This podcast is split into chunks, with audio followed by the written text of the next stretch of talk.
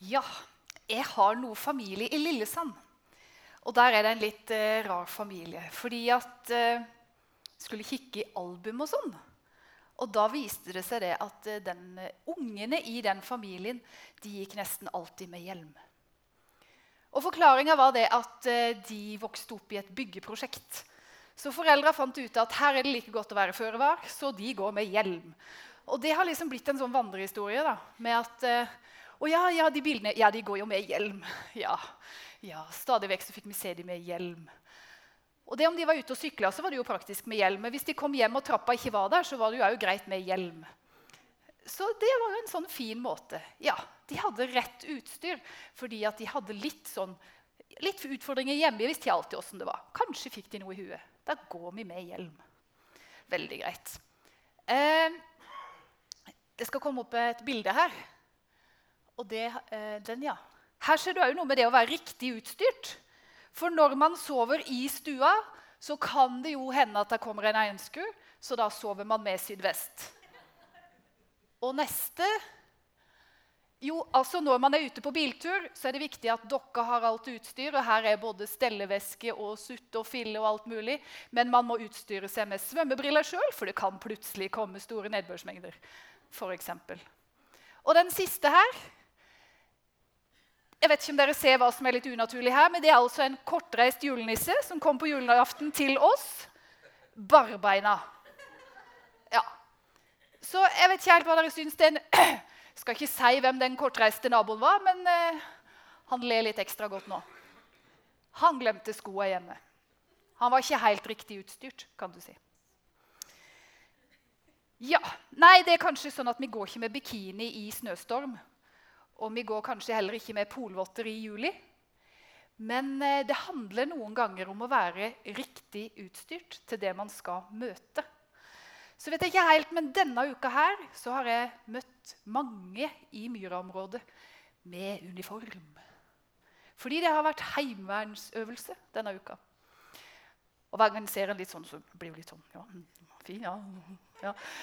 Jeg, jeg syns det er litt skummelt og litt fint samtidig. Men det de har jobba med denne uka, da, det er jo det at de forbereder seg. De øver. Og dette her kunne Øystein ha fortalt mer enn meg om. Han kom her på øvelsen og, og sto i uniform når vi øvde på torsdag. Det syns jeg var veldig fint. Eh, og det er noe med det der da, at de utruster seg. De jobber for fred. Men de utrustes til en kamp. Og det er litt av det jeg har lyst til å si noe om i dag. For vi har kommet til Efeserbrevet 6. Og Fram til nå i Efeserbrevet har vi prata mye om hvem vi er i Jesus. Alt vi har i Han, og åssen det kan se ut. Og når vi var inne på den praktiske delen, så kan det jo hende at noen og enhver av oss tenkte litt sånn Ja, det var litt heftig. Det her var litt høye mål.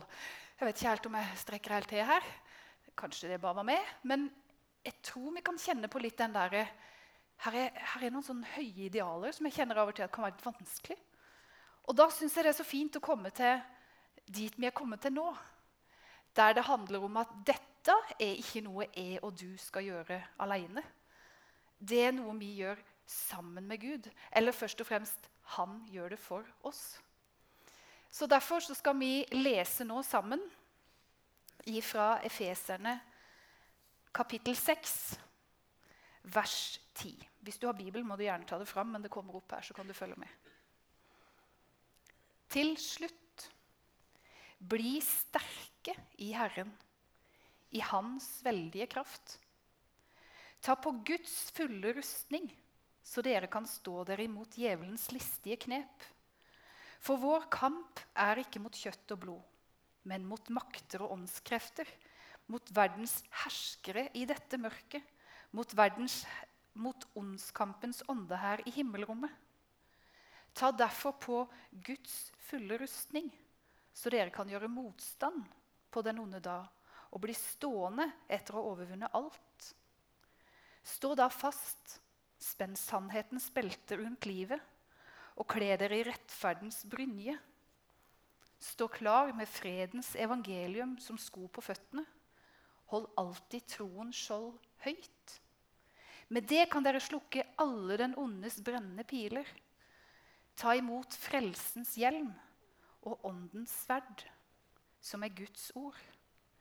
Gjør dette i bønn og legg alt framfor Gud. Be alltid i ånden. Våk og hold ut i bønn for alle de hellige, også for meg. Be om at de rette ordene må bli gitt meg når jeg skal tale, så jeg frimodig kan gjøre evangeliets mysterium kjent. Det som jeg er sendebud for, også mens jeg er i lenker.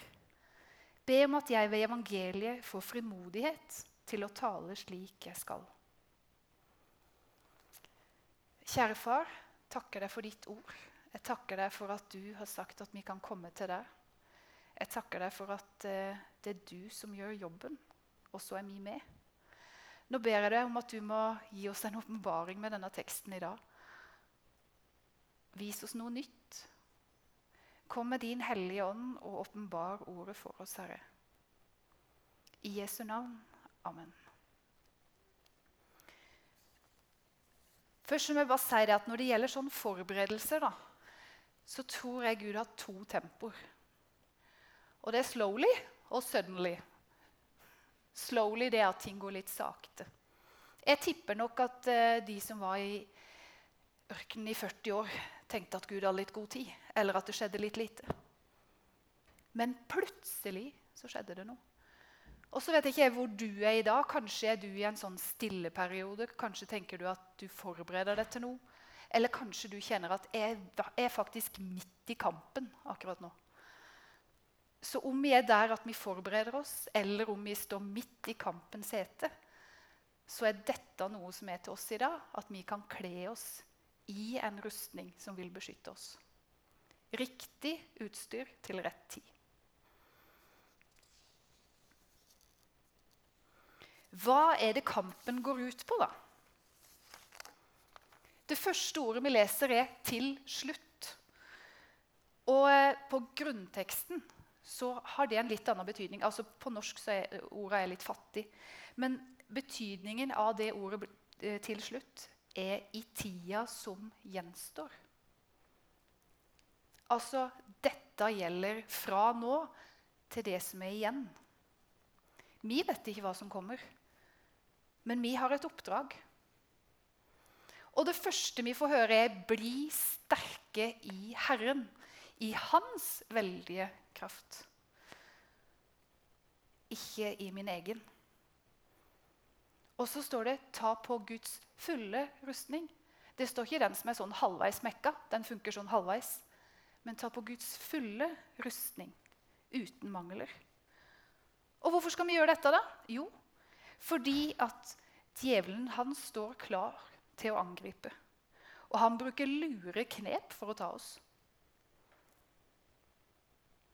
Og så kan vi tenke ja, har du noen grunner for å bruke riktig utstyr. Ja, her er mange gode grunner for at vi trenger litt utstyr. For denne kampen er ikke mot kjøtt og blod eller andre mennesker i første omgang. Den er mot makter og åndskrefter. Verdens herskere i dette mørket. Og det ser vi tydelig i dag. At det er mange krefter som er på ferde. Og de drar oss i ulike retninger. Jeg tror vi kan oppleve kampen på tre forskjellige måter. Det ene er kampen inni oss, den personlige kampen. Og så har vi den kampen som omverdenen vår står i, det kan være i relasjoner vi har, i verdensbildet vårt. Og så har vi den åndskampen. Og alle de tre de foregår samtidig, hele tida. Noen ganger står du kanskje i alle tre. Andre ganger kjenner du meg på den ene enn den andre. Men for å forklare litt så fikk jeg tilsendt ei historie denne uka som passa veldig godt til det jeg skulle si noe om. Så den tenkte jeg ville lese. Og det handler om den personlige kampen. Jeg hørte en gang en historie om en amerikansk indianer i et reservat. Han hadde gitt livet sitt til Herren og ble født på nytt. Han besøkte pastoren sin noen få uker senere og sa, 'Pastor, jeg har et problem.' Eh, nå, nå, når jeg er frelst, så føler jeg at det er en indre kamp som foregår i sinnet mitt. Hver dag. Det er som det er en hvit hund og en sort hund som kjemper med hverandre til døden. Den kloke, gamle pastoren forsto at den nyomvendte viste til den usynlige krigen som vi alle kjemper mellom vår nye natur, som mater seg med Guds ord og åndelige ting, og den gamle naturen, som mater seg med kjødets lyster, øynes lyst og livets stolthet. Den kloke, gamle pastoren spurte mannen, 'Du, Joe, hvilke hund er det som vinner kampen?' Mannen stoppa opp et øyeblikk, og så sa han, 'Jeg har aldri tenkt over det før, men det er den hunden jeg mater.' som vinner kampen.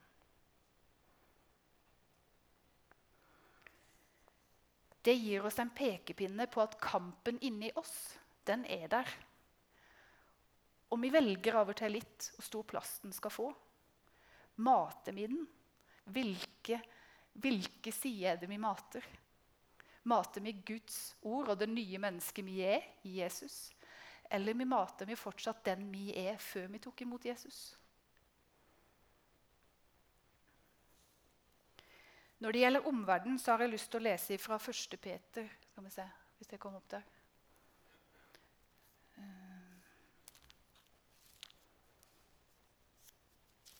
I 1. Peters brev 5, kapittel, 8, kapittel 5 og vers 8 så står det Vær edrue og våk. Deres motstander djevelen, han går omkring som en brølende løve for å finne noen å sluke.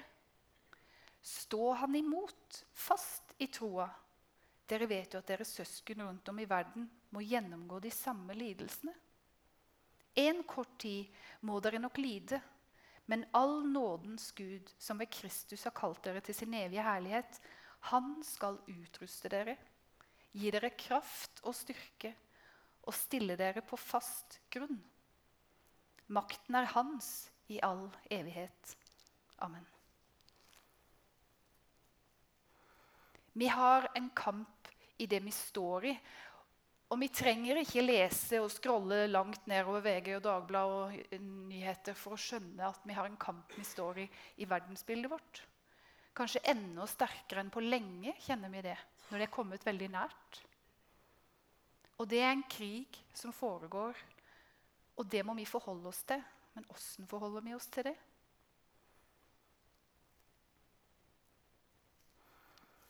I Romerne 13,12 så står det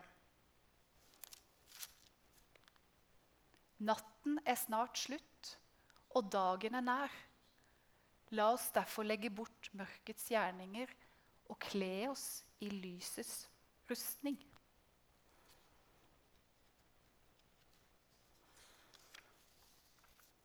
Jesus tok en gang for alle den straffa som vi skulle ha. Og den kampen som er i åndeverdenen vår, den har Jesus vunnet. Vi har fort for å tenke at her er det onde mot det gode, og at, uh, at den onde vinner. Kanskje det ser ut som at noen har stor makt. Ja, han har stor makt. Men Jesus, han har overvunnet den største seieren. For når han døde på Golgata, så skjedde det noe. Han var i dødsriket og hadde en kamp mot djevelen og den vant han. På tre dager så reiste Gud han opp igjen.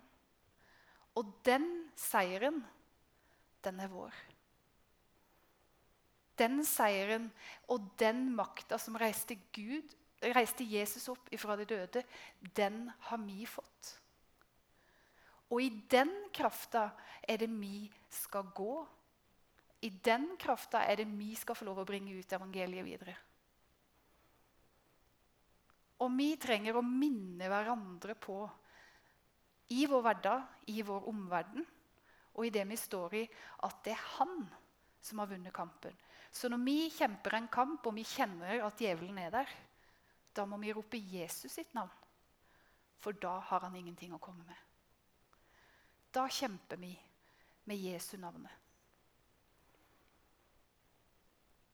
David André Østby har skrevet en låt som heter 'En gang for alle'. Og Der lyder teksten sånn, litt av starten. Han ble forrådt, han ble forlatt. Han kjempet mot fryktens makt. Han ba i angst mens svetten rant. Men lydig han ofra alt. På treet hang hang. Han bar all vår skam og ga sitt liv. Han elsket oss så høyt, ble spottet og bøyd. For verdens skyld. Jesus tok en gang for alle den straffen som vi skulle få. Hans død ga oss livet tilbake, en nåde som alltid består. Dette er det vi har å stå i. Og så vil Gud vise oss hva vi skal kle oss i for å møte det. Og det er det vi kommer til nå. Hva skal vi da kle oss med? Vi har fått en beskyttelse og en rustning. Vi har fått sannhetens belte. På denne tida Jeg ser for meg Paulus sitter i fengselet der. og Det er ikke så mye nytt han ser, kanskje, men han ser veldig mange romerske soldater. Og da tipper jeg det da han får dette bildet at ok, det her, her kan jeg jo fortelle noe om åssen funker. Så det første han ser da, så står de med, På den tida hadde de masse sånne lange kjortler som hang veldig. Og Hvis du da liksom skal være litt på hugget og komme deg av gårde, så er det litt kjedelig å snove i første steg. Så det første er da å ha et belte som gjør at den kjortelen er mer anvendelig når du skal av gårde. Så et belte rundt livet er det første. Og beltet rundt livet handler om sannhet. Om at vi forteller det som er sant. At det vi går med, er sant. Budskapet vårt er sant. Og når vi fester beltet der, så er vi forberedt. Og så står det om rettferdighetens brynje. Brynje er den store som går over hele her sånn. Og har ofte et merke på seg. eller sånt. Men funksjonen er jo at den, den dekker for alle de indre organene, og bl.a. hjertet vårt. Så det handler om å ha rettferdighet, men passe på hjertet vårt i kampen vi står. I ordspråkene 423 så står det om å bevare hjertet framfor alt du bevarer. For livet går ut ifra det. Da er det viktig å ha på seg den brynja, sånn at vi kan passe oss. Og så står det at vi skal stå klar med fredens evangelium som sko på føttene. På den tida var det jo mye sandaler og sånne ting. Men det var det å ha noen rette sko som hadde litt feste under. At ikke de var bare helt glatte, men at de liksom kunne stå litt òg. Og det det da handler om, er å komme med fred. Fredens evangelium. Det er budskapet vi skal gå med. Vi skal fortelle om at Jesus har vunnet seieren. Det er det vi skal fortelle om. Og det er glade nyheter òg i dag. Og så har du troens skjold. Et skjold er noe du tar opp, og de, de var såpass store at du kan jo sette denne og egentlig hele du er skjult under den. Fordi du har noe foran deg som gjør at det ikke kommer til troens skjold, det vi tror på, det vi går på, som vi sang her i stad, troens trygge grunn, det handler om at vi har fått nåden.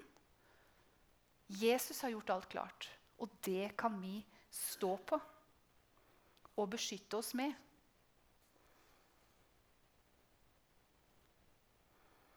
I tida som nå gjenstår, så har vi fått en rustning som beskytter oss. Og så ser jeg liksom for meg at ja, nå er du kledd opp fra topp til tå.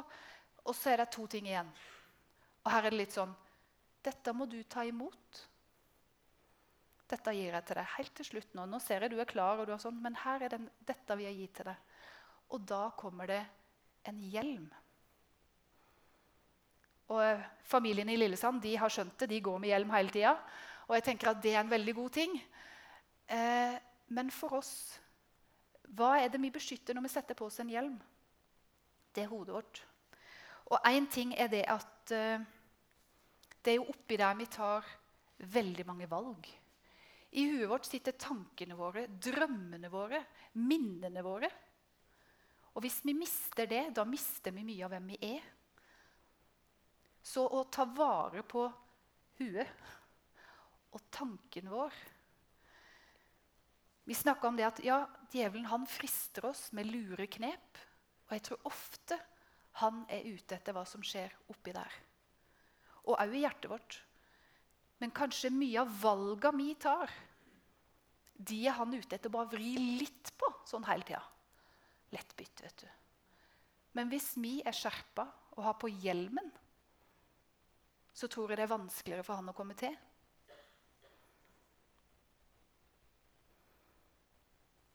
Og jeg tenker at i tida vi er nå, så er det kanskje viktigere enn noen gang å bevare hjertet, tanken og psyken vår. I 2. Korinterbrev 2.10 så står det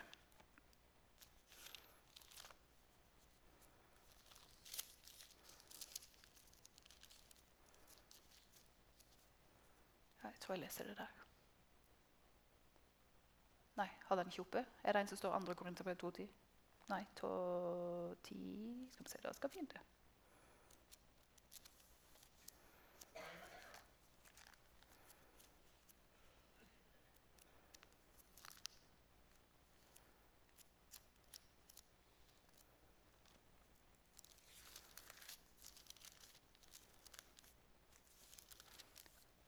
Andre Korinterbrev 10.3. Der står det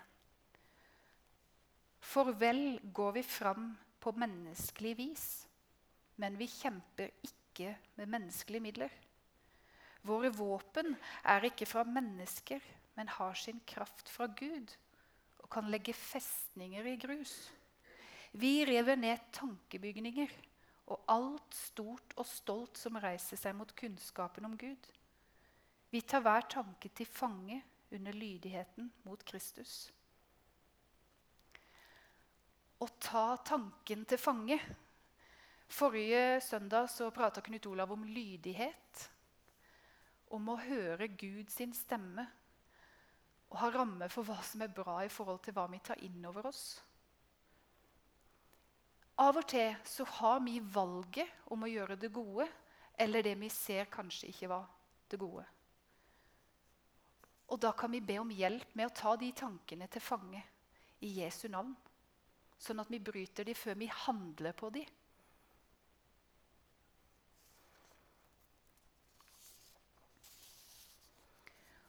Så har vi fått beskyttelsen, og vi har fått hjelmen. Og så er det ett våpen i denne rustninga. Og det våpenet, det er Guds ord. Ta imot frelsens hjelm og åndens sverd, som er Guds ord. For Guds ord er levende og virkekraftig og skarpere enn noe tvega sverd. Det trenger igjennom til det kløver sjel og ånd, marg og bein, og dømmer hjertets tanker og planer. Dette er det vi har å gå med. Og hvis vi vil vinne den kampen der vi må vinne djevelen på hvem det er som har vunnet allerede, da nytter det ikke å stå og blafre med Se og Hør eller en god artikkel på Instagram.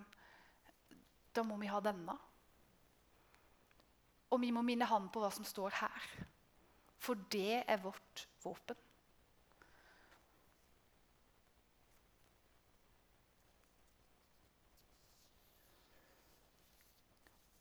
Og så prater Paulus på slutten her om å be i ånden om å be for det som kommer. Og når vi ber i Jesu navn, så skjer det noe. Og når vi lovsynger og viser at vi vil sette Jesus på førsteplass Her har ikke du noe å gjøre. Da holder vi djevelen ute. Og når Gud da kommer med sitt nærvær, så vil han gjøre noe med oss. Så når vi har lovsang i en gudstjeneste, så er ikke det bare for å fylle. Det er ikke bare for å fylle hele, sånn at vi har noe å gjøre. Det er en grunn. Fordi vi ønsker å vise djevelen at her er det Gud som har makt. Han har vunnet seieren. Og når vi påkaller hans navn, da har han ikke noe her å gjøre. Så i Jesu navn er det vi skal be. Og i det er vi beskytta og i det kan vi gå med. Hvis du tar neste Det handler om å gjøre det i bønn. Og så kan du ta neste der. Dette skal det tales over litt nærmere eller om en liten stund, men jeg hadde bare lyst til å ta det med. Eh, på slutten fra vers 18 til 20 så står det be om at de rette ordene må bli gitt meg når jeg skal tale, så jeg frimodig kan gjøre evangeliets mysterium kjent. Det som jeg er sendebud for, også mens jeg er i lenker. Be om at jeg ved evangeliet får frimodighet til å tale slik jeg skal. Og Når Paulus skriver dette, så sitter han som fange. Og han hadde sikkert veldig mange andre plasser han tenkte han skulle være for å fortelle om Jesus. Og så sitter han i et fengsel. Og så ber han kanskje ikke om be for meg om at jeg får i hvert fall frimodighet til å si noe, og at jeg sier det på rett måte i den situasjonen jeg er nå. Og det tenker jeg vi kan ta med oss òg. Kanskje er du en plass i livet nå Det var ikke egentlig her jeg hadde tenkt å være. Men Gud kan bruke deg, og Gud er sammen med deg der du er så kan vi be om forbønn. Vi kan be om å få de rette orda og be om å få frimodighet til å dele det.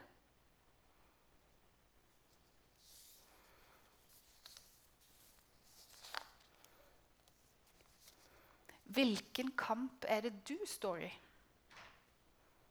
Eller kanskje er du i forberedelsestid på noe du ikke helt vet? Eller så kjenner du at vet du, jeg står midt i stormen akkurat nå. Husk at du har en rustning, og husk at du kan bruke den. Kanskje er det noen deler av den rustninga som har blitt litt sånn Ja, ikke alltid jeg kler meg den om morgenen. Det er ikke alltid jeg tar på den hjelmen. Jeg glemmer av og til skoa. Det er viktig å beskytte seg. Kanskje er det den hjelmen du må be om å få på plass. Fordi tanken den ødelegger litt for deg for tida. Kanskje trenger du hjelp for å gjøre noe med det. Eller er det kanskje bare det der å være klar, det der fra utgangspunktet med å spenne det beltet rundt livet? Jeg er ikke helt der ennå. Kanskje du trenger et lite spark for å komme i gang? Eller er det sånn at våpenet ditt kanskje har blitt litt sløvt? Det er litt sånn pakka vekk, støva ned i ei hylle. Fyller du deg med dette, som er det vi skal gå med, som er våpenet? Guds ord.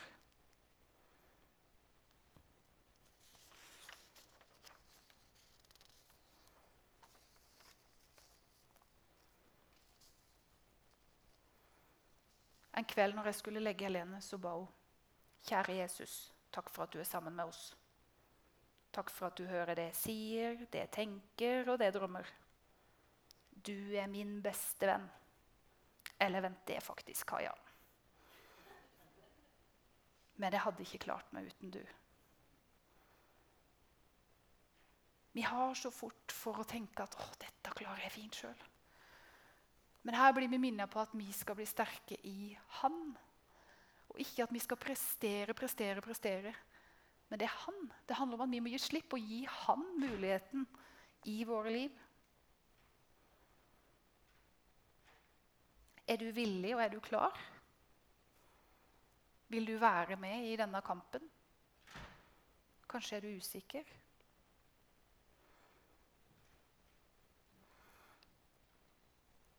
Hvis du tar neste. Her er noen ting, Hvis ikke du husker noe av det jeg har sagt i dag, så kanskje du kan huske noen av de få punktene der. Det handler om å ha riktig utstyr til rett tid i tida som nå gjenstår. Ta imot frelsen og ta imot beskyttelsen. Nåden er ikke noe vi bare står på, men den er noe å gå på. Du må velge hvilken hund du vil mate. Gå i hans kraft og be i Jesu navn.